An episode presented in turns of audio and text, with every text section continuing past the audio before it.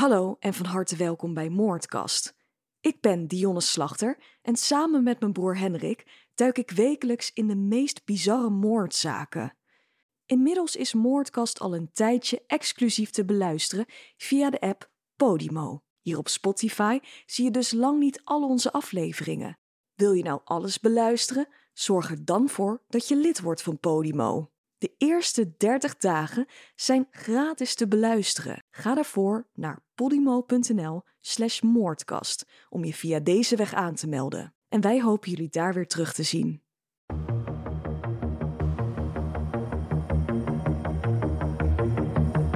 Welkom bij deze nieuwe Moordkast. De podcast waarbij ik je meeneem in verschillende mysterieuze moordzaken. Ik ben Dionne Slachter en samen met mijn broer Hendrik als sidekick duiken we in de waargebeurde misdaad. Vandaag praten we over de toolbox killers. Wanneer twee mannen elkaar ontmoeten in de gevangenis, maken ze gruwelijke plannen voor na hun vrijlating. Ontzettend leuk dat jullie weer luisteren naar deze nieuwe moordkast. Ik zit hier natuurlijk weer naast mijn broer Henrik. Hey. Heel veel mensen willen weten hoe jij eruit ziet. Oh ja. Ja. Ja, nou ja, dat, eh, dat kan toch? Ja, Dan, op eh, Instagram. We hebben een foto van ons samen geplaatst op Moordkast. ja, nou ga die gauw bekijken als je wil weten hoe ik eruit zie. Nou, inderdaad. Ja, wat ontzettend leuk is, is dat wij eh, al 10.000 volgers hebben. Op de Instagram-pagina van Moordkast. En het zou natuurlijk superleuk zijn als we dit nog uitbreiden. Dus volg ons op Instagram, Moordkast. Dan hebben we nog een ander verzoekje voor jullie. Ja, we zijn genomineerd voor een podcast award. Ja, voor de Dutch Podcast Awards, om precies te zijn. In de categorie verhalend eh, kun je op ons stemmen. We staan met vier andere podcasts eh, staan we daartussen. En wij zouden het gigantisch tof vinden als je ja, je stem op ons zou willen uitbrengen. Ja, dus vind je ons nou de leukste van de vijf? Stem dan op www.podcastawards.nl. Eh, vul je e-mailadres daar ook in. Je krijgt dan een e-mailtje, die moet je eventjes bevestigen. Pas dan telt jouw stem mee. Ja, dat laatste is echt even belangrijk. Ja, en help ons aan die award, mensen. Het zou super tof zijn. Ja, we zouden hem echt ontzettend graag willen pakken. Zeker. Vandaag weer een spraakmakende moordzaak die we met jullie gaan bespreken. Ik wil jullie alleen wel van tevoren een disclaimer geven. Eh, We bespreken natuurlijk altijd heftige zaken. Het gaat altijd over heftige onderwerpen. Maar dit keer gaat het echt wel een niveautje verder. Ja, echt een stap verder. Ja, ja. Ik ben wel redelijk wat gewend. Jij ook, denk ik. Want eh, we zijn al heel lang into true crime. En we lezen, we kijken veel documentaires. Maar zoiets, ja, ik word hier echt misselijk van. Ik heb ook echt misselijk in mijn bed gelegen na het doen van mijn research, ja. Ja, deze zaak, eh, dat heeft zoveel gruwelijke dingen. Martelingen, verkrachtingen, eh, moord uiteraard. Ja, kan je slecht tegen dit soort zaken? Sla deze even over. Ik heb het heel vaak dat we een zaak bespreken. En dan ga ik gewoon naar huis en dan denk ik er eigenlijk niet meer aan. Ehm, maar deze blijft toch wel de hele tijd eh, bij je of zo. Als je Ja, bij mij bleef hebt. het ook echt heel erg hangen. Zo gruwelijk. We gaan natuurlijk straks er van alles over vertellen, maar we wilden jullie in ieder geval wel eventjes een waarschuwing geven. Even in het kort waar het over gaat. Het gaat hier om twee mannen die elkaars paden helaas zijn gaan kruisen. En het speelt zich allemaal af eind jaren 70. Ze ontmoeten elkaar in de gevangenis, zijn op een gegeven moment fantasieën gaan delen met elkaar. En dit was een cocktail voor een heleboel ellende. Ik denk dat we nu maar gewoon heel snel moeten beginnen met het vertellen van dit verhaal. Ik heb het net in het intro al verteld. Het gaat hier om twee mannen genaamd Lawrence Bittaker en Roy Norris, later bekend als de Toolbox Killers. We kijken eerst individueel naar hun levensloop voor hun ontmoeting met elkaar, wie deze mannen zijn, en beginnen dan bij meneer Lawrence Bittaker. Lawrence Bittaker wordt geboren in Pittsburgh, Pennsylvania op 27 september 1940. Zijn biologische ouders stonden hem af ter adoptie toen hij twee jaar oud was. Eh, hij kwam in een weeshuis terecht en werd uiteindelijk geadopteerd door George Bittaker en zijn vrouw. Lawrence beschrijft de relatie met zijn adoptieouders als afstandelijk en koeltjes en het gezin moet veel verhuizen vanwege het werk van vader George. Hij werkte in de luchtvaartindustrie. Het gezin ging van Pennsylvania naar Florida, van Florida naar Ohio en uiteindelijk naar Californië. Het is natuurlijk niet zo'n stabiele situatie voor de jonge Lawrence. Zo telkens van de ene naar de andere plek toe. Er is gebrek aan stabiliteit en zo'n kind moet constant wennen aan een andere omgeving en andere mensen. Als er vriendjes zijn gemaakt, moet daar weer afscheid van worden genomen. Ja, Lawrence moet eigenlijk telkens weer opnieuw beginnen. Ja, nergens, een veilige, nergens een veilige plek, hè? Nee, het zal nooit als een uh, veilige thuisbasis hebben gevoeld. Eigenlijk al vanaf zijn tweede wordt hij door zijn, door zijn ouders daar gebracht. Dat lijkt me al verschrikkelijk om te doen, maar ook verschrikkelijk voor dat kind. Uh, en daar is de thuisbasis dus ook mee weggevallen. En dan wordt hij in een gezin geplaatst wat je verwacht dat het beter gaat. En die verhuizen echt alleen maar. Ik kan me nog goed herinneren dat wij als kind uh, ook gingen verhuizen. En dat was niet eens zo'n grote afstand. En ik kan me herinneren dat wij er ook niet zoveel van moesten hebben. Ja, als kind leek dat toch veel verder, hè? Ja. We gingen inderdaad maar 10 kilometer verder wonen of zo. Ja, en toch een andere school. De andere, andere kant van ja. de wereld leek het wel, hè, voor ons. Ja, nee, ik vond het ook niks. Nee. Ja, dit zorgde bij Lawrence dan ook wel voor hechtingsproblemen. Hij haalde op school verder met gemak ontzettend hoge cijfers. Het is een hele intelligente jongen maar zit duidelijk niet op zijn plek. Hij was best wel verlegen, ingetogen en voelt zich snel geïntimideerd door zijn klasgenoten. Hij viel echt een beetje buiten de boot en ja, school voelde eigenlijk daarbij totaal niet als een uitdaging voor hem. Hij had een uh, heel hoog IQ. Ja, een IQ van 138. Ja. Hij mag dan wel verlegen zijn, maar alles behalve braaf. Lawrence bewandelt op jonge leeftijd al het criminele pad en is vanaf zijn twaalfde ja, al bekend bij de politie. Vooral vanwege winkeldiefstallen die hij pleegt. En rond zijn zestiende wordt hij vervolgens van school gestuurd vanwege alle problemen die hij heeft en veroorzaakt. Ik kan me er ook wel iets bij voorstellen, hè? als je zo slim bent, dat je nergens een uitdaging in ziet en dat je toch maar ergens anders de thrill, zeg maar. De, ja, de spanning vandaan ja. halen. Als kind is hij natuurlijk ja, afgewezen, ter adoptie afgestaan. Het is iets waar hij waarschijnlijk veel moeite mee heeft gehad.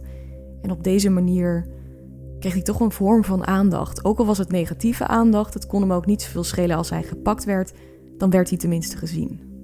Ja, er zit zeker wat in. Zijn gedrag wordt vanaf hier alleen maar extremer. Binnen een jaar nadat hij met school is gestopt, wordt hij gearresteerd voor autodiefstal, voor het doorrijden na een ongeval en voor het vluchten voor de politie. Dit allemaal terwijl hij nog maar een kind is. Hij is op dit punt nog maar 17. Ja, die is vroeg bij. Ja. Ik heb bij de politie gewerkt. En daar zag je toch dat heel veel kinderen van die leeftijd, hè, 16, 17, dat dat toch vaak de veelplegers waren. Dus dat, dat die veel misdaden begaan. Daar stond ik toen ook wel heel erg van te kijken. Deze jongen komt dan uiteindelijk in de jeugdgevangenis terecht in Californië. En hij komt vrij als hij 19 jaar oud is en komt dan tot een schokkende ontdekking. Zijn adoptieouders zijn in de tussentijd verhuisd naar een andere staat en nemen compleet afstand van hem. Hij heeft zijn adoptieouders vanaf dit punt ook nooit meer gezien. En voor iemand die al te maken heeft met hechtingsproblemen moet dit een vreselijke klap geweest zijn. Ik, uh, ik wist dit niet, dus ik uh, krijg hier meteen kippenvel van als ik dit hoor. Ja, zo... Deze jongen heeft alleen maar te maken gehad met afwijzing in zijn leven. Ja, en eh, ja, ook al heeft hij die dingen gedaan die hij heeft gedaan, je bent toch zijn ouders, daar heb je toch voor gekozen? Ja. Zonder hem het te laten weten, blijkbaar. Ja, het zou ongetwijfeld een groot litteken hebben, Zo. Hebben achtergelaten bij hem. Lawrence wordt vanaf hier door de jaren heen een echte draaideurcrimineel en kwam meerdere keren in de gevangenis terecht. Zodra hij vast had gezeten, dan spookte hij weer wat uit, kwam hij in de problemen en werd hij weer gearresteerd en vastgezet. In 1974 loopt het uiteindelijk totaal uit de hand als Lawrence een stuk biefstuk wil stelen uit een supermarkt. De supermarktmedewerker had hem dit zien doen en was hem gevolgd tot aan de parkeerplaats. De medewerker die heette Gary Louis en uh, die vroeg aan Lawrence: Ben je vergeten te betalen soms? Waar ga jij met die biefstuk heen? Lawrence was ook onder invloed van, uh, van drank en drugs op dat moment. Dus die ja. was niet heel erg voorspelbaar. Nee, en zijn uh, antwoord op deze medewerker is ook redelijk onvoorspelbaar. Hij steekt hem namelijk in zijn borst. En echt een fractie naast zijn hart. Het had echt heel weinig gescheeld of Gary had het niet overleefd. Lawrence had bijna een moord gepleegd en hij werd uiteindelijk veroordeeld voor de aanval met een dodelijk wapen en moest zijn straf uitzitten in de California Men's Colony. Hij wordt in de gevangenis ook gezien door een psychiater die hem onderzoekt en stelt vast dat hij een zeer manipulatief karakter heeft. Ook schijnt hij enorm vijandelijk te zijn, maar dit goed verborgen weet te houden. Een soort verborgen vijandelijkheid, zo wordt het beschreven. Hij vertoonde daarbij duidelijke kenmerken van een sociopaat en of psychopaat. Hij had een groot gebrek aan empathie voor anderen, had nooit schuldgevoelens bij zijn daden en uh, het gaf hem zelfs eigenlijk een gevoel van eigendunk en trots. Ja, en dat in combinatie met, die, met dat hoge IQ van 138 is op zich al een dodelijke combinatie. Dit was het vroegere leven van Lawrence Bittaker. We gaan het nu hebben over Roy Norris.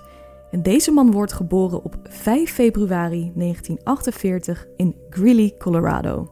Zijn ouders waren niet getrouwd en we hebben het hier over de jaren 40. Ja, het is een, best wel een taboe in die tijd. Als kan je, niet, hè? Nee, als je buiten een huwelijk om een kind verwekt. Ja, nee, maar dan moest je trouwen. Ja, nou dat gingen ze doen. Om te voorkomen dat ze scheef werden aangekeken. Het was dan ook een gezin wat niet lekker functioneerde. Zijn vader werkte op een schroothoop en zijn moeder was huisvrouw, maar drugsverslaafd. Roy wordt dan ook af en toe bij pleeggezinnen geplaatst. Af en toe woont hij wel bij zijn ouders. Ik had ook gelezen dat zijn ouders het hem kwalijk namen dat ze moesten trouwen. Ja. Zo'n rare gedachtegang eigenlijk. Nee, hij, ehm, hij werd niet heel liefdevol of warm verwelkomd. Nee. Roy geeft zelf aan mishandeld te zijn binnen deze pleeggezinnen, maar heb hier en daar gelezen dat deze beschuldigingen vals waren. Dus ik weet niet precies of dit echt waar is. Hij had net als Lawrence een hoog IQ, maar op sociaal gebied minder bedreven. Hij wist niet goed hoe hij contact moest maken met meisjes. En uh, ja, dan gedraagt hij zich ook redelijk vreemd. Zo is er een incident wat plaatsvindt als hij 16 jaar oud is en gaat dan op bezoek bij een vrouwelijk familielid. Dat vrouwelijke familielid is in die tijd begin 20, hij is 16. Nou, hij gaat daar dus langs en had haar op een ongepaste seksuele manier benaderd. Nou, hier was het familielid niet van gediend. Ik weet niet of dit misschien een nicht van hem was. Ja, daar ben ik dan wel in geïnteresseerd eigenlijk. dat wil ik meteen vragen. Ja, gezien de leeftijd denk ik een nichtje. Maar ik weet het niet zeker. Ik kon dit niet vinden. Ja. Ze stuurt hem in ieder geval het huis uit en ze stelt de vader van Roy op de hoogte van de avances die hij oh, heeft gemaakt. En zijn vader is woedend. Die dreigt hem een pak slaag te geven, waarop Roy het huis uitvlucht met de auto van zijn vader is op een gegeven moment de bergen in de Rocky Mountains gaan rijden met de intentie om zichzelf van het leven te beroven. Ja, hij wilde een spuit zetten en de, daar wilde hij lucht in zijn aderen spuiten, hè? in de hoop dat hij dan zou overlijden. En dat is mislukt. De politie vond hem en die heeft hem naar huis gebracht. En zijn vader die uh, reageerde niet heel erg. Uh... Nee, die was not amused. Nee, ik denk dat dat goed gezegd is. Een jaar later, op zijn zeventiende, besloot hij bij de marine te gaan als elektricien. Dit hield hij vier maanden vol, totdat hij ontslagen werd vanwege medische redenen. Hij had in die tijd dat hij bij de marine zat een vrouw proberen te verkrachten. Zij zat in een auto.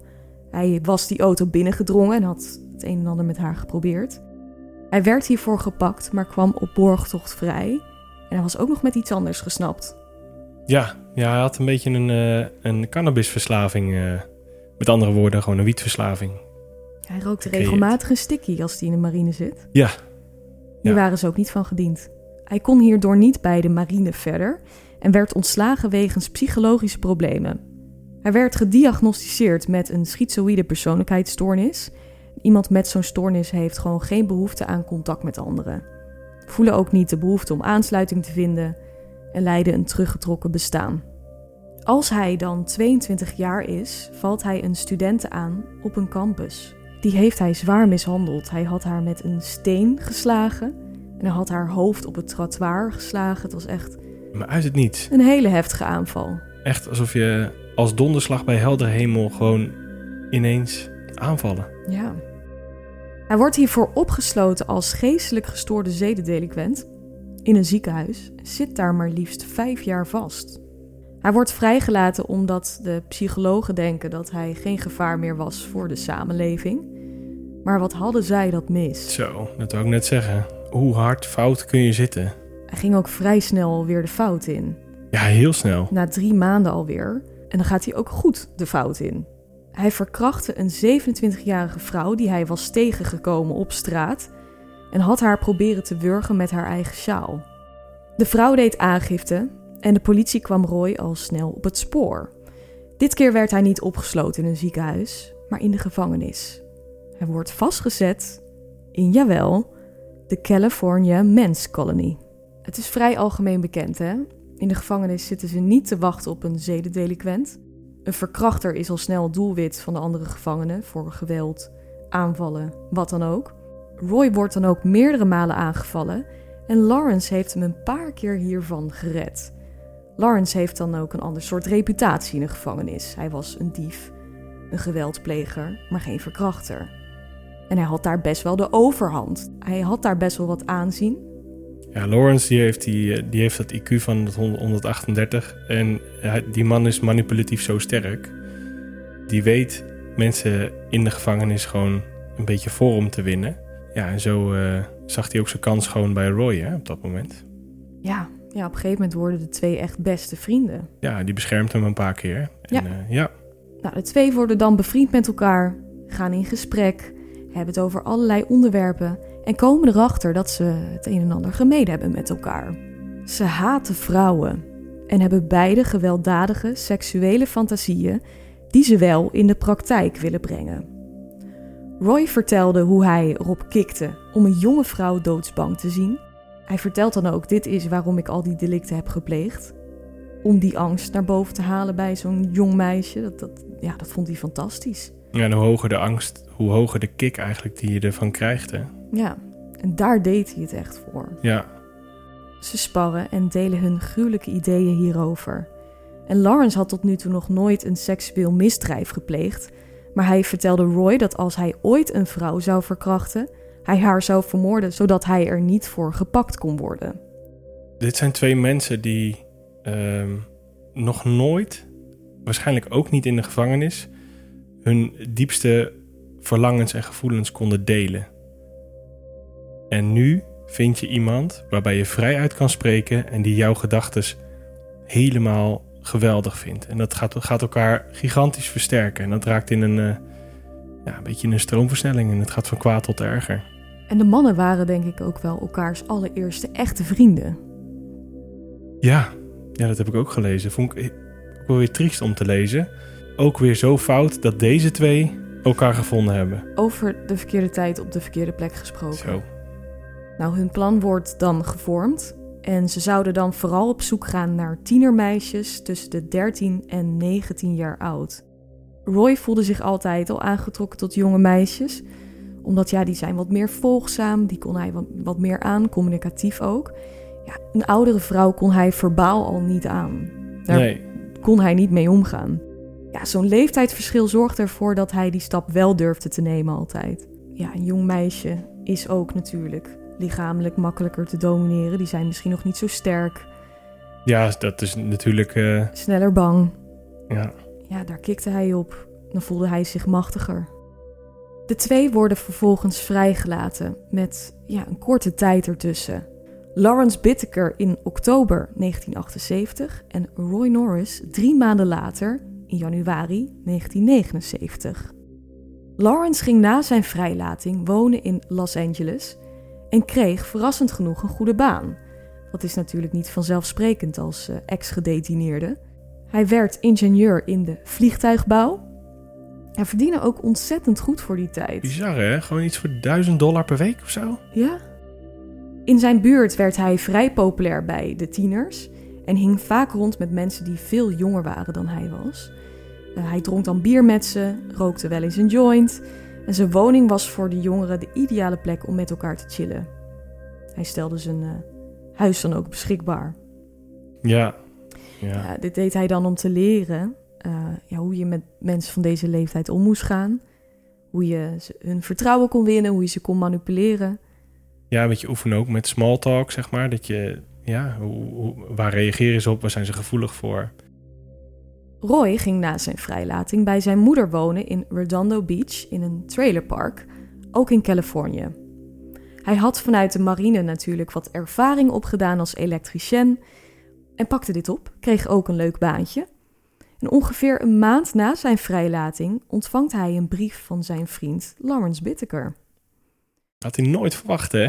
Meestal zien uh, ex-gedetineerden elkaar niet meer. Uh, dus hij was hartstikke verrast dat hij uh, dat telefoontje kreeg. Ja, ze besluiten elkaar dan ook te gaan ontmoeten in een bar.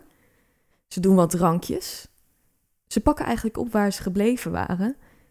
En ja, dan komt ook dat verschrikkelijke plan weer naar voren. Hun zieke fantasieën zijn weer het gespreksonderwerp van de avond.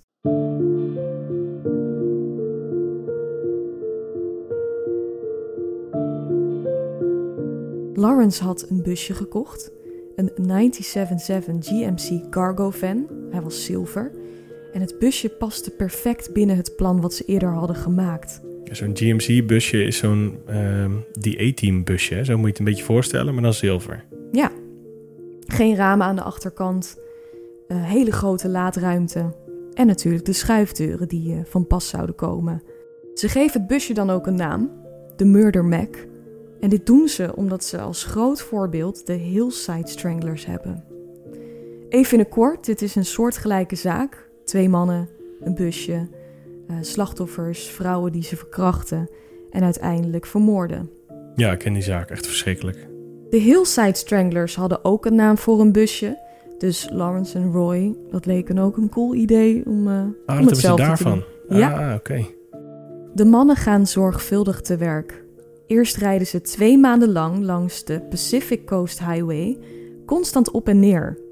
Ze maken contact met meiden, rijden langs de kust, strandplekjes, ze flirten een beetje hier en daar en nemen Polaroid-foto's met iedereen die ze tegenkomen. Dat zijn dan natuurlijk dames. Ze maken vooral plezier en doen nog niemand kwaad. Nog niet, tenminste. Dit alles doen ze namelijk om gebieden te verkennen, te observeren, uit te zoeken wat de mannen als beste smoes konden gebruiken om meiden naar binnen te lokken in het busje. Het was eigenlijk een beetje een studietrip van twee maanden lang. Ja, om eigenlijk hun plan zo goed mogelijk te laten slagen zonder dat ze er gepakt voor konden worden. Ja, ook veel, uh, veel meiden liften geven hè? en daar gebeurde dan niks mee. Als dat verlangen zo diep zit, hoe konden zij zich in godsnaam inhouden voor twee maanden lang? Ja, ik denk dat dat met die twee maanden dus heel erg gegroeid is. Ik denk dat Lawrence Bittaker vooral was, was vooral de mastermind zeg maar hierin. Dat hij dat wel heel erg benadrukte dat het echt oefenen zou zijn. En dat ze snel tot actie zouden komen. Dan rijden ze in de bergen in de San Gabriel Mountains en ze vinden een afgelegen weggetje die op slot zit. Het is een afgesloten gebied met een hek. Er zit een enorm kettingslot om. En uh, Lawrence knipt dat slot door en besluit zijn eigen slot erop te doen. Zo van, dit is voor mij. Ja, het is een soort fire road, zoals dat noemen. Hè? Ja, een brandweggetje. Ja, een brandweg of zo. Ik weet niet precies hoe dat zit. Ik ook niet. Um, maar ja, dat wordt natuurlijk amper beheerd. Dus ja, die knipt zijn slot eraf. En uh, doet zijn eigen erop. En het is inderdaad gewoon voor, van hun. Dit is de ideale plek om hun daden uit te voeren. Niemand zal ook maar iets van de slachtoffers horen, zien. Uh, het was afgelegen. Er waren veel kliffen, bergen en hellingen. Dus een lichaam zal hier ook niet snel gevonden worden. Er waren ook nog eens een heleboel wilde dieren. Ja, dit was voor hun de perfecte plek. Ja. Ze konden ongestoord hun, hun werk doen, hun gang gaan ja, dit werd echt hun geheime verstopplek. Ja. De mannen hebben nu bijna alles voorbereid, maar er staat nog één ding te doen en dat is de Murder Mac inrichten. Dit moet echt een soort rijdende moordmachine voor de mannen worden. Ze installeren dan ook een opklapbed. Daaronder zetten ze een grote koelbox om drankjes in te bewaren. En dit zullen ze later gebruiken als lokmiddel voor vrouwen om ze een drankje aan te bieden, een biertje. Naast de coolbox zetten ze een gevulde gereedschapskist, vandaar ook de toolbox killers. Ja, daar zitten items in zoals je verwacht, wat een uh, gereedschapskist in zich heeft. Hamers, priemen, tangen, van alles. Alles is nu klaar om een jacht naar de jonge vrouwen te openen en zoeken langs de kust tussen Redondo Beach tot Santa Monica. Dit lange stuk is zo'n 32 kilometer lang. Het is 24 juni 1979. De mannen gaan op zoek naar hun eerste slachtoffer en spotten de 16-jarige Lucinda Cindy Schaefer. Het meisje had net een bijeenkomst in de kerk bezocht waar haar oma haar had afgezet. De bijeenkomst duurde zo'n 20 minuten en ze liep daarna naar huis. De mannen zien haar, benaderen haar en vragen of ze een lift wil. Hierop is haar antwoord: Nee, dit uh, is niet nodig. De mannen vragen of dan wellicht zin heeft om wat met hen te gaan roken en drinken, waarop nogmaals haar antwoord is: Nee, dankjewel. Het meisje loopt door en is absoluut niet van plan om bij deze vreemde mannen in te stappen. Ze reageert eigenlijk zoals je wil dat je dochter zou doen, op het moment dat ze benaderd wordt door een vreemdeling. Ja, ik wil eigenlijk wel de hele tijd zeggen: goed zo, goed zo. Ja. Dit heeft haar helaas uiteindelijk niet gered, want het busje gaat voor haar uitrijden en wanneer ze langsloopt, slaan ze toe. De schuifdeuren worden opengegooid en Roy grijpt haar vast en hij trekt haar de achterkant van het busje in. Lawrence heeft de muziek nog heel erg hard gezet, hè, zodat ze het gegil niet konden horen. Ja, hij bestuurt de auto en inderdaad, dat was ook hun plan om het volume echt uh, flink op te schroeven. Ja, dan denk je alleen maar wat staat daar voor ASO en denk je niet, er wordt iemand ontvo ontvoerd. Ja, het was echt om, uh, om het gegil te dempen. Ja. Roy bindt het meisje vast en ze rijden naar die geheime locatie in de San Gabriel Mountains in de bergen. Dit is een rit van ongeveer een uur. En daar aangekomen te zijn staat haar een vreselijk lot te wachten. Beide mannen verkrachten haar, martelen Cindy, en ze wisselen elkaar hierin af. Deze martelingen die gaan echt heel erg ver.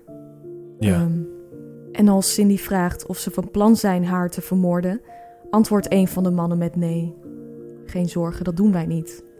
Maar Cindy vertrouwt dit niet en heeft wel door dat dit foute boel is, waarop ze nog had gevraagd: Will you at least let me pray before you kill me? Dus laten jullie me alsjeblieft nog één keer bidden als jullie het van plan zijn. Ja. En Lawrence dacht: uh, gaan we niet doen. Nee, eigenlijk genoten ze juist van haar smeekbedes. Ja. Uiteindelijk is Roy degene die een poging doet om Cindy met zijn blote handen te wurgen. Ach ja, dat, ja. Ja, dit lukt hem niet. Hij probeert haar te wurgen en ze, gaat, ze maakt schokkende bewegingen. En hij kan er op een of andere manier niet tegen, dus hij laat haar los. Hij loopt weg en uh, gaat, uh, gaat staan uh, overgeven. Ja, heftig overgeven ook, hè? Ja, ja, hij kon het niet aan. Ja, Lawrence neemt het vanaf hier over. Dan komt eigenlijk voor het eerst naar voren wat voor sadist er in hem huist. Hij loopt naar zijn gereedschapskist en haalt een ijzeren kleerhanger en een tang tevoorschijn. Hiermee wurgt hij het meisje. Hij wikkelt de kledinghanger om haar nek en met de tang trekt hij de kleerhanger aan. Het is zo'n ijzeren kledinghanger. Ja, als die draait en met de tang dus vastpakt en helemaal ronddraait, wordt het steeds strakker. Hoe kom je er ook op dat dit jouw methode is? Ik kan er met mijn hoofd niet bij. We vertellen nog een, echt een hele hoop niet wat er met het meisje is gebeurd. Hè? Ja. Het is echt zo vreselijk. Die, die, die is zo hulpeloos geweest daar in de eentje. Kind van 16 hè, met twee, twee van die smerige... Sadistische Ja, mannen. Met, Nou, met zulke plannen en gewoon geen, er is geen kans voor je. nee, vanaf je, het je zit begin. op een afgelegen plek. Zij zijn veel sterker dan jij. Ja, dat is echt... Niemand, die gaat, niemand hoort je. En de aanval heeft ook uren geduurd. Ja, ja. Ze wikkelen haar lichaam in een douchegordijn en gooien haar van een berg in de hoop dat ze nooit gevonden zou worden. De oma van Cindy is intussen ongerust natuurlijk, heeft de politie benaderd om haar kleindochter als vermist op te geven. Ze gaan met de vermissing aan de slag, maar er is geen spoor van Cindy te bekennen. Niemand had iets gezien en de zaak loopt al snel compleet vast. Twee weken later slaan Roy en Lawrence opnieuw toe. Ze gaan op zoek naar een slachtoffer. Het is dan 5 juli 1979 en ze gaan met de Murder Mac op pad en rijden rond rond Manhattan Beach. In de verte zien ze een meisje langs de weg staan die duidelijk op zoek is naar een lift. Dit meisje is de 18-jarige Andrea Hall. Ze komt uit een arm gezin uit Ohio en was in Californië gaan wonen om aan zichzelf te werken en een nieuw leven voor zichzelf op te bouwen. Rondkomen bleek echter vrij lastig, dus ze deed van alles om te overleven. Zo verkocht ze haar bloed bij een bloedbank en stond ze regelmatig aan de weg te liften, zodat ze gratis een ritje kon maken. Andrea was voor hun natuurlijk de ideale prooi, want lifters hebben überhaupt al de intentie een auto in te stappen. Maar ze pakken dit keer wel net iets anders aan. Ze doen alsof Lawrence alleen is en Roy verstopt zich onder het klapbed achter in de bus. Lawrence rijdt naar haar toe, biedt haar een lift aan en Andrea stapt in het busje. Hij vraagt of ze misschien wat te drinken wil en wijst naar de koelbox achterin. Ze moet het drankje alleen wel zelf even pakken en ze reikt naar de koelbox. Dan plotseling springt Roy tevoorschijn en probeert hij Andrea te overmeesteren. Maar Andrea is een uh, grote meid, ze is supersterk en hij krijgt het niet zomaar voor elkaar, dus ze verzet zich hevig en er ontstaat een heftig gevecht tussen de twee. Uiteindelijk krijgt hij Andrea helaas toch onder controle en bindt het meisje vast. Ook nu rijden ze weer naar hun plek in de St. Gabriel Mountains, waar ze Andrea ombeurten, weer verkrachten, mishandelen en martelen. Het is dan ook vooral Lawrence die uh, ja, het voortouw neemt en de meest sadistische ideeën erop nahoudt. Hij besluit dan ook dit keer om foto's te nemen van het slachtoffer, zodat hij een aandenken heeft en alles later nog kan herbeleven. Tijdens de verkrachtingen en, en tijdens de martelingen zit hij met zijn Polaroid-camera zit hij daar foto's van te, van te trekken. Hij is dan ook degene die het uh, meest geniet van de pijn die het slachtoffer leidt. En gaat ook steeds verder hierin. Ja, ze deden het echt een soort van ombeurt, hè? Ja. De een liep vaak weg als, ja... Ik vind uh, eigenlijk gewoon te verschrikkelijk om, uh, om te noemen. Ja. Lawrence vermoordt Andrea met een ijspriem die hij in haar oor slaat en wurgt haar. En laat vervolgens vol trots de Polaroid-foto's zien aan Roy. Ik ga toch iets verder in op de details. Ik zou vooral doorskippen als je hier niet tegen kan. Maar Lawrence sloeg met de ijspriem dan in haar oor, bleef daarop slaan totdat die ijspriem afbrak. En het meisje was op dit punt dus nog in leven. Ook nog gewoon via de andere kant heeft hij het nog gedaan. Ja. Ja, dit is echt een verschrikkelijke lijdensweg geweest. En wat er daarvoor allemaal gebeurd is, is natuurlijk ook. Ja. En wij kunnen nogmaals niet alles vertellen. Uh, mocht je hierin geïnteresseerd zijn, zou ik zeggen: doe je eigen onderzoek. Maar ja. wij kunnen echt lang niet alles benoemen. Dat, dat gaat echt te ver. Nee, je wordt hier al misselijk van. Maar als je echt de details weet, dan uh, ja. Ja, ik heb er wakker om gelegen. Dit blijft wel even, echt ja. even bij je, ja. ja. Ook Andrea wordt als vermist opgegeven. En het geeft de mannen een voldaan gevoel dat ze er tot nu toe gewoon mee wegkomen. En dat de lichamen niet worden gevonden. Ja, vooral Lawrence, hè? Dat, hij is slimmer dan de politie. Ja. Dat vindt hij heel belangrijk. Ja, daar kikt hij echt op. Helaas is het nog niet voorbij met de killing spree. De twee houden zich voor twee maanden wel rustig en slaan dan opnieuw toe. Ze rijden weer rond Redondo Beach en zien daar twee erg jonge meisjes langs de weg staan. Het zijn Lia Lamp en Jackie Gilliam. Lia is nog maar 13 en Jackie 15 jaar oud. Dus we hebben het hier over nog jongere meisjes. De meisjes zijn aan het liften en zijn op zoek naar iemand die ze naar het strand willen brengen. Het was eind jaren 70 ook redelijk normaal, hè, dat liften. Dat is eigenlijk een soort hype geweest ook. Iedereen weet dat. Ja, 70s, ja. De gevaren waren ook nog niet zozeer bekend. Nee, het was volgens mij ook best wel vrij, hè? Het, ja. Ja, de uh, hippie-tijd. Hè? Het feit dat er veel gelift werd, betekent ook dat er gewoon veel vertrouwen was in de medemens. Ja. Ja, de mannen stoppen het busje en bieden de meiden een lift aan. En zij stappen zonder aarzeling in. Ja, ze zijn natuurlijk super opgetogen, want ze hebben een ritje geregeld. En hebben het ook wel naar hun zin. De mannen flirten een beetje met de meiden, een beetje plagerig. Het is wel gezellig, de sfeer zit er goed in. Ja, even voor de beeldvorming. De mannen zijn 30 en 38 jaar oud. Dus Ja. het is nou niet per, se waar een ja, een tienermeisje natuurlijk eh, naar zoekt. Nou, die leuke sfeer die slaat eh, finaal om wanneer de meisjes merken dat ze niet richting het strand rijden, maar compleet de verkeerde kant uit. Lawrence geeft aan dat hij een plek zoekt waar hij wiet kan vinden en dat ze zich geen zorgen hoeven te maken. Ze gaan straks naar de juiste plek toe. Die paniek blijft Ze vertrouwen de boel totaal niet en schreeuwen dat ze uit het busje willen en Roy probeert ze dan ook stil te krijgen. Op een gegeven moment wordt het busje stilgezet bij een nabijgelegen tennisbaan. Lawrence had een soort wapen gemaakt van een sok gevuld met BB-gun kogeltjes.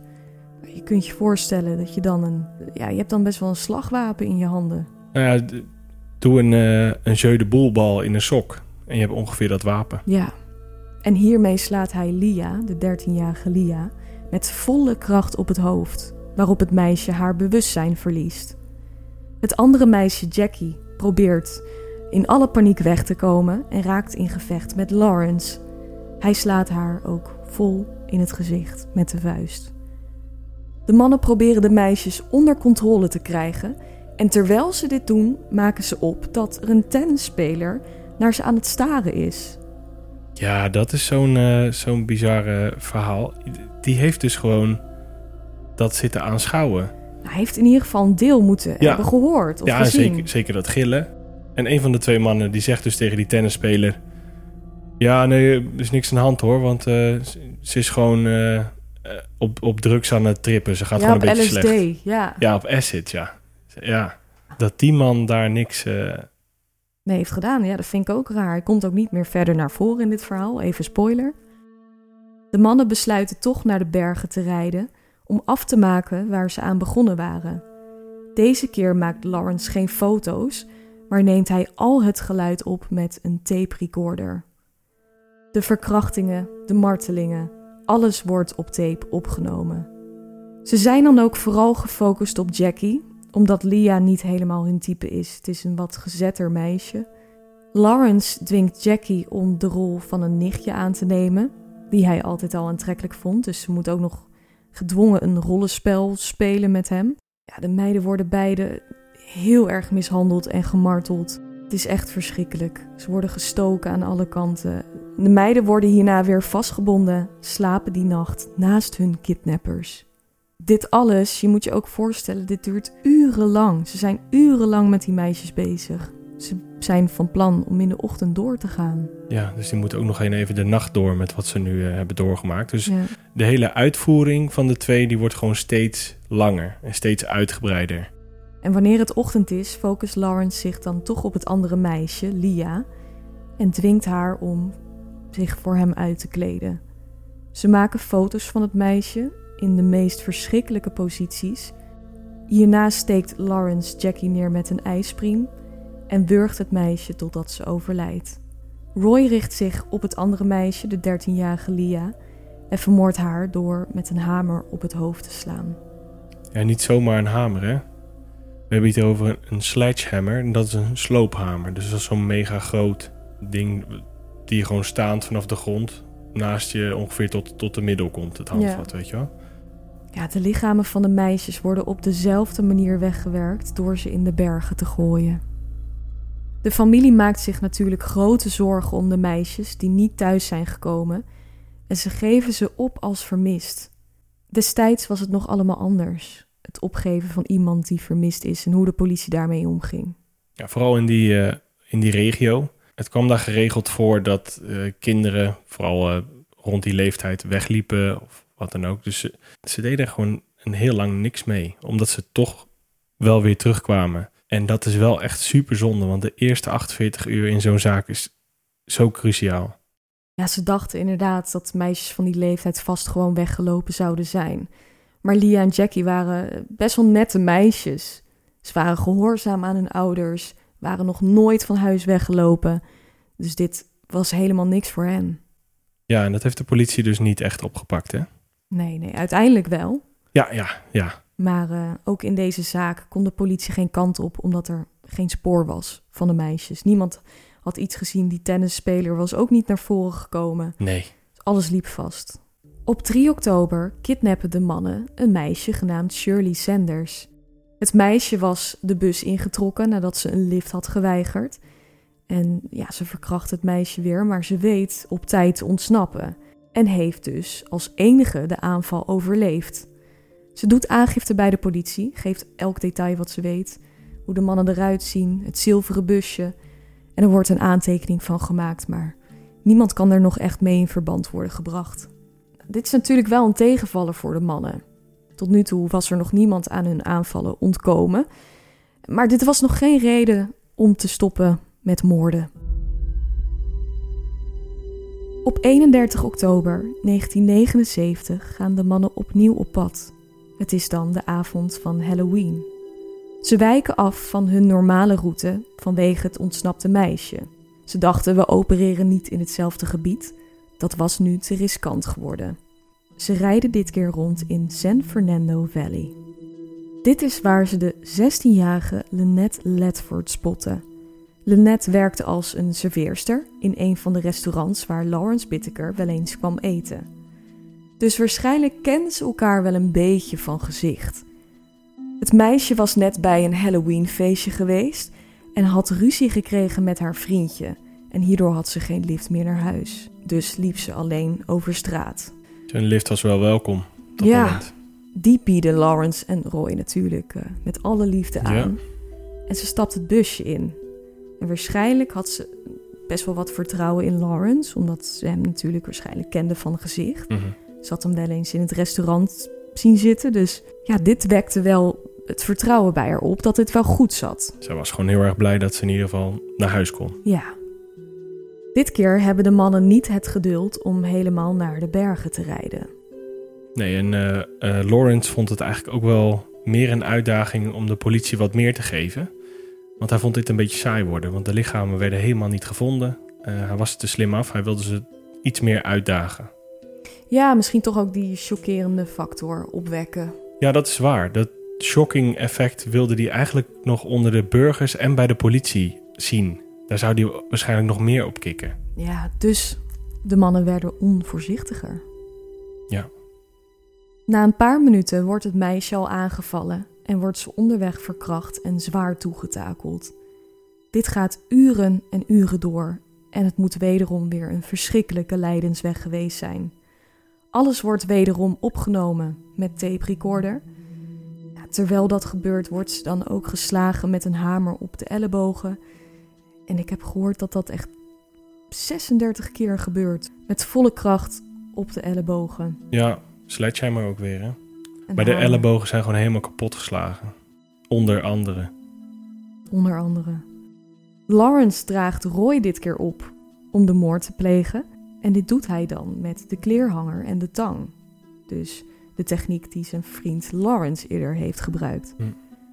Het meisje wordt uiteindelijk gewurgd en geheel tegen het patroon in laat ze het lichaam achter in iemands voortuin.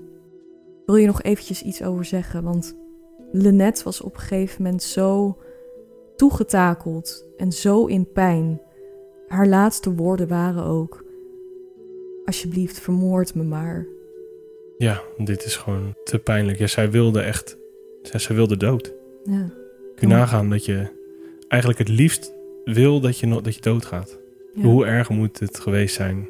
Ja, de geluidstapes die uh, zijn gemaakt tijdens de aanval op Lynette die gaan nog een grote rol spelen in het proces. Maar daar later meer over. Ja. Ze waren al die tijd natuurlijk nooit gepakt. Zij waanden zich echt onaantastbaar. Ze dachten alles onder controle te hebben. Ze werden niet eens verdacht. Er was gewoon geen spoor. De volgende dag wordt het lichaam van Lynette gevonden door een hardloper. De kleerhanger nog om haar nek. Heel Los Angeles is in shock want de manier waarop dit meisje was omgebracht was ijzingwekkend. En iedereen was bang voor ja, een loslopende gek, een moordenaar. Die het op uh, vrouwen had voorzien. Ja, ja, maar ook toen ze de verwondingen zagen, denk ik, wat voor beest heeft hier uh, ja. rondgelopen. Ja, het lichaam werd echt in zwaar toegetakelde toestand uh, aangetroffen. Dat was niet normaal. Ja, de mannen beginnen steeds arroganter te worden, steeds onvoorzichtiger. En Roy is degene die zijn mond voorbij begint te praten en vertelt alles aan een oude vriend die hij nog kent vanuit de gevangenis waar hij heeft gezeten. Deze man, dat is Joe Jackson.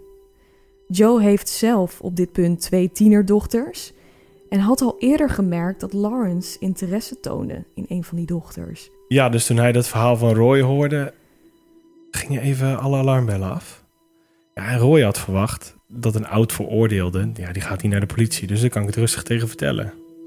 Ja, dit begon toch uh, bij hem te wringen. Zeker omdat hij interesse toonde in, in een van zijn dochters. Die dacht, het is foute boel. Ja, daar moet, dit... Hier ga ik iets, iets mee doen. Ja, ja, Roy vertelde het echt in geuren en kleuren wat er allemaal gebeur, gebeurd was. Hè? Ja, vol trots. Ja, die was daar gigantisch trots op. Daar komt ook wel een beetje dat, uh, dat die sociale onhandigheid van Roy om de hoek kijken. Dat is in dit geval misschien goed geweest. Ja, die kon totaal niet inschatten of iets wel zo gepast was om te vertellen. Ja, en hij dacht waarschijnlijk een oud veroordeelde... die vindt dit soort verhalen helemaal, helemaal de max. Ja. Nou, Joe begint dus te praten met een detective... en biecht alles op wat hij heeft gehoord van Roy... en beschrijft wat er is gebeurd. Hij liep wel tegen een paar muurtjes op hè, toen hij naar de politie ging. Hij uh, werd eerst niet, uh, ja, is niet zo geloofd. En toen hebben ze maar verwezen naar, uh, naar het gebied waar het gebeurd is. Joh, ga, ga, ja, ga daar maar naar het bureautje toe. En daar heeft hij een detective gesproken. En die nam hem wel serieus. En die heeft zijn tanden erin gebeten. Joe vertelt dan wat hij van Roy heeft gehoord. En vertelt hem alle details. Ook het zilveren busje komt naar voren. En dan wordt de link gelegd met Shirley Sanders. Het meisje wat dus de aanval uh, heeft overleefd en naar de politie was gegaan. Ja, met dat busje werden ze wakker, hè? Ja. En toen dachten ze, deze mannen moeten wij zo snel mogelijk spreken. Ja. Dus ze zijn op zoek gegaan naar Roy Norris en Lawrence Bittaker.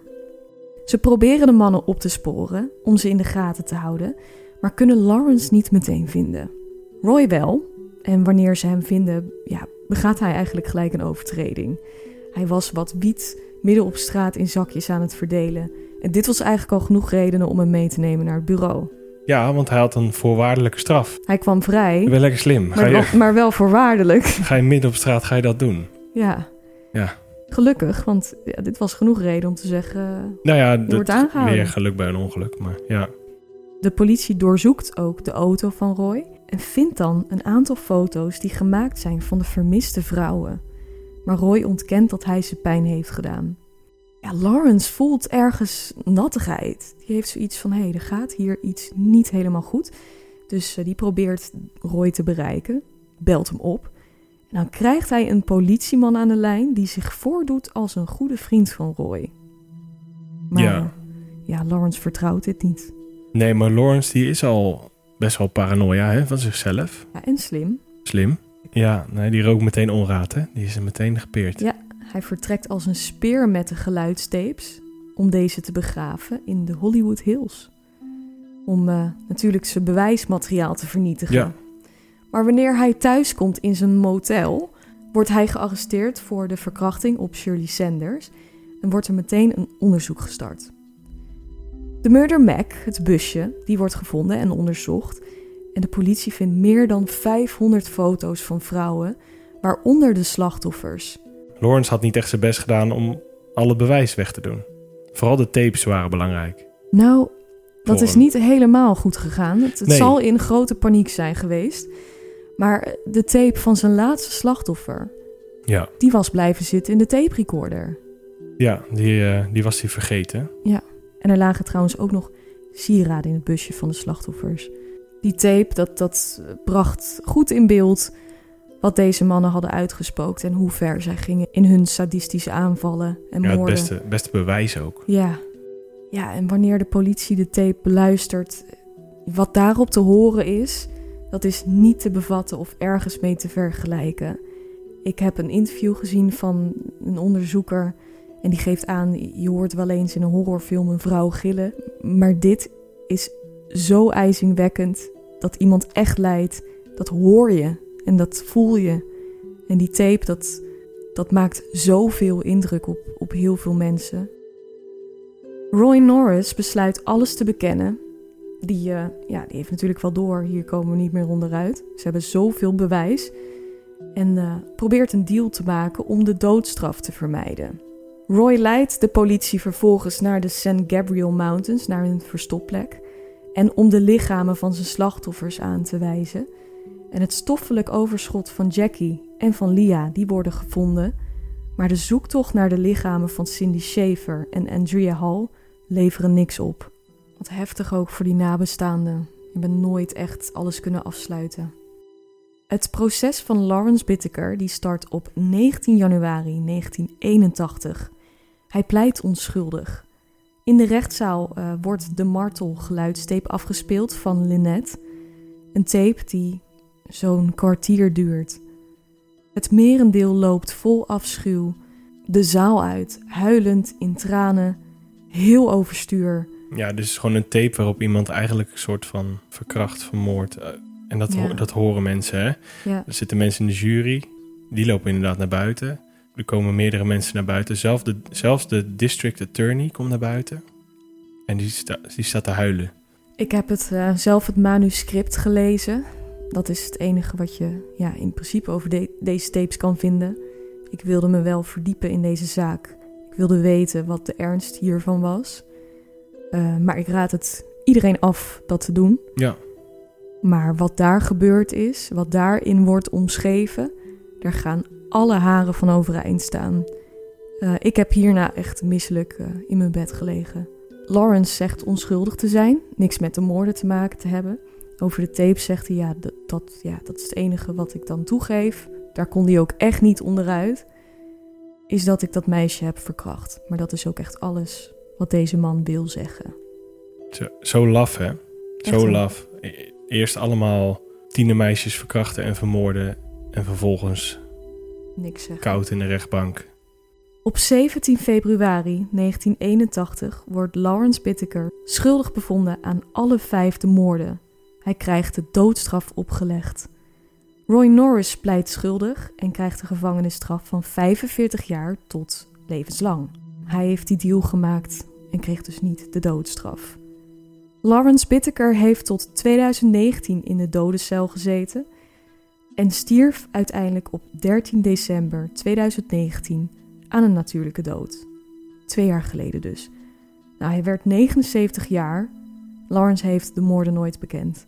En jij had nog een feitje over waarom hij eh, ja, Ja, zo de- lang in de dodencel heeft gezeten. We zien het wel vaker dat mensen on death row, zeg maar, in de dode cel, dat die heel erg lang daar zitten voordat ze uiteindelijk geëxecuteerd worden. Bij hem was het zo dat hij, ging overal eh, een protest tegen indienen. Dus als hij, ik heb, eh, ik heb gelezen dat als hij een, een koekje kreeg in, eh, in de gevangenis, maar die was gebroken, dan ging hij daar een, een proces tegen aanspannen. En dat, ging hij, dat bleef hij doen. En dat moest dan allemaal weer behandeld worden. Hij was daar super vervelend in. Ja, Roy Norris overleed vorig jaar op eh, 24 februari 2020 op 72-jarige leeftijd ook in de cel. Hij eh, heeft wel wat verzoeken ingediend volgens mij om, om vervoegd vrij te komen. Ja, maar wat denk je zelf? Hij heeft na zijn veroordeling een aantal keren verklaard dat hij slechts meedeed aan de moorden uit angst voor zijn vriend Lawrence. Dat het totaal niet zijn bedoeling was om zo ver met de slachtoffers te, eh, ja, om zo ver te gaan met die slachtoffers. Ja, dat zou ik dan misschien bij, eh, bij één geloven als je, als je weg was gelopen. Maar hij heeft zelf met die hamers, eh, ja, En, vervol- en vervolgens gaat hij mee op de volgende rit. totaal ongeloofwaardig. Precies. Nee, deze man wist prima wat hij deed. Politiemensen, recherche, iedereen die aan het onderzoek eh, heeft meegewerkt, hebben veel last gehad van alles wat ze in deze zaak tegenkwamen. Meerdere verklaren slaapproblemen te hebben, nachtmerries te krijgen over de meisjes, hun gegil nog te horen. Dat ook natuurlijk vanwege die audiotapes. Het heeft heel veel indruk gemaakt. En dan is er nog iemand die aan het hoofd stond van het onderzoek. Die man heet Paul Bynum. Die heeft zichzelf kort nadat de zaak werd opgelost ja, zelfmoord gepleegd. Ja, dat, werd- het was hem echt, echt te veel geworden. Ja. Was slechts 39 jaar oud weet je. En liet een eh, zelfmoordbrief achter van maar liefst 10 pagina's. Er stond onder andere in hoe de moorden en de zaak hem achtervolgden, elke dag, dag in dag uit. En had een hele grote angst voor deze mannen en dat ze ooit zouden vrijkomen. Dus het heeft nog een leven gekost. Het is echt verschrikkelijk. Ja, ik wou zeggen, dit is gewoon een extra slachtoffer. Ja. De, dezelfde tapes worden ook nog door de FBI gebruikt Voor trainingen, hè? voor trainingen. Voor nieuwe recruten, dus de, de, de, de special agents van de, van de FBI, eh, ja, die krijgen dit te horen. En zoveel mensen zijn getraumatiseerd door die tapes ook. Ja, heel veel. Ja. Heel veel. Dat achtervolgt mensen echt. Ja, dit was het alweer voor vandaag. Ehm, ik heb er echt wel weer een beetje knoop in mijn maag, moet ik zeggen. Ja, heel, eh, Ja. heel heftig deze. Mocht Ja. je willen meepraten of willen napraten met de zaak, ehm, ja, volg ons dan eventjes op eh, de Moordkast Instagram, Moordkast. We hebben daar een fragment gepost van de aflevering. Eh, voel je vrij om je gedachten daar te uiten. We zetten daar ook wat beeldmateriaal eh, beschikbaar. Ja, niet, niet te schokken natuurlijk. Je zal Lawrence en, en Roy zien. Maar natuurlijk het, het, niks busje. van... nee. En maak je daar geen zorgen om. Maar je krijgt er dan wel iets meer een beeld bij. En niet het Ja. verschrikkelijke beeld. Ik heb deze zaak ook behandeld op YouTube in mijn format Misdaad en Make-up. Eh, ja, bekijk deze ook vooral op YouTube. Zoek op Onnedy en je komt op mijn kanaal terecht. Eh, de laatst geposte video, dat is de video over de Toolbox Killers. Ook daar geef ik jullie eh, wat meer beeldmateriaal, video's. Dus voel je vrij om die te bekijken. En vergeet natuurlijk ook niet om op ons te stemmen op www.podcastawards.nl in de categorie verhalend. Volgende week hebben we trouwens een hele speciale aflevering. Deze zal gaan over Marianne Vaatstra. Er staat een, eh, een hele uitgebreide documentaire op Discovery Plus. En wij mochten een, eh, ja, iemand spreken die, eh, die aan deze documentaire heeft meegewerkt en die heel veel over deze zaak weet. Ja, super mooie docu. Ja. De eerste twee afleveringen uit mijn hoofd. Vandaag de derde. Ja, vandaag is vrijdag hè, als de podcast uitkomt. Komt online. Ja, het is echt... En als de Zo laatste aflevering online komt, dan hebben wij de podcast ook klaarstaan. Dus eh, het wordt een hele bijzondere. Ontzettend bedankt allemaal voor het luisteren naar deze nieuwe moordkast. En wij zien jullie volgende week weer om 4 uur op Spotify. Tot dan. Tot volgende week.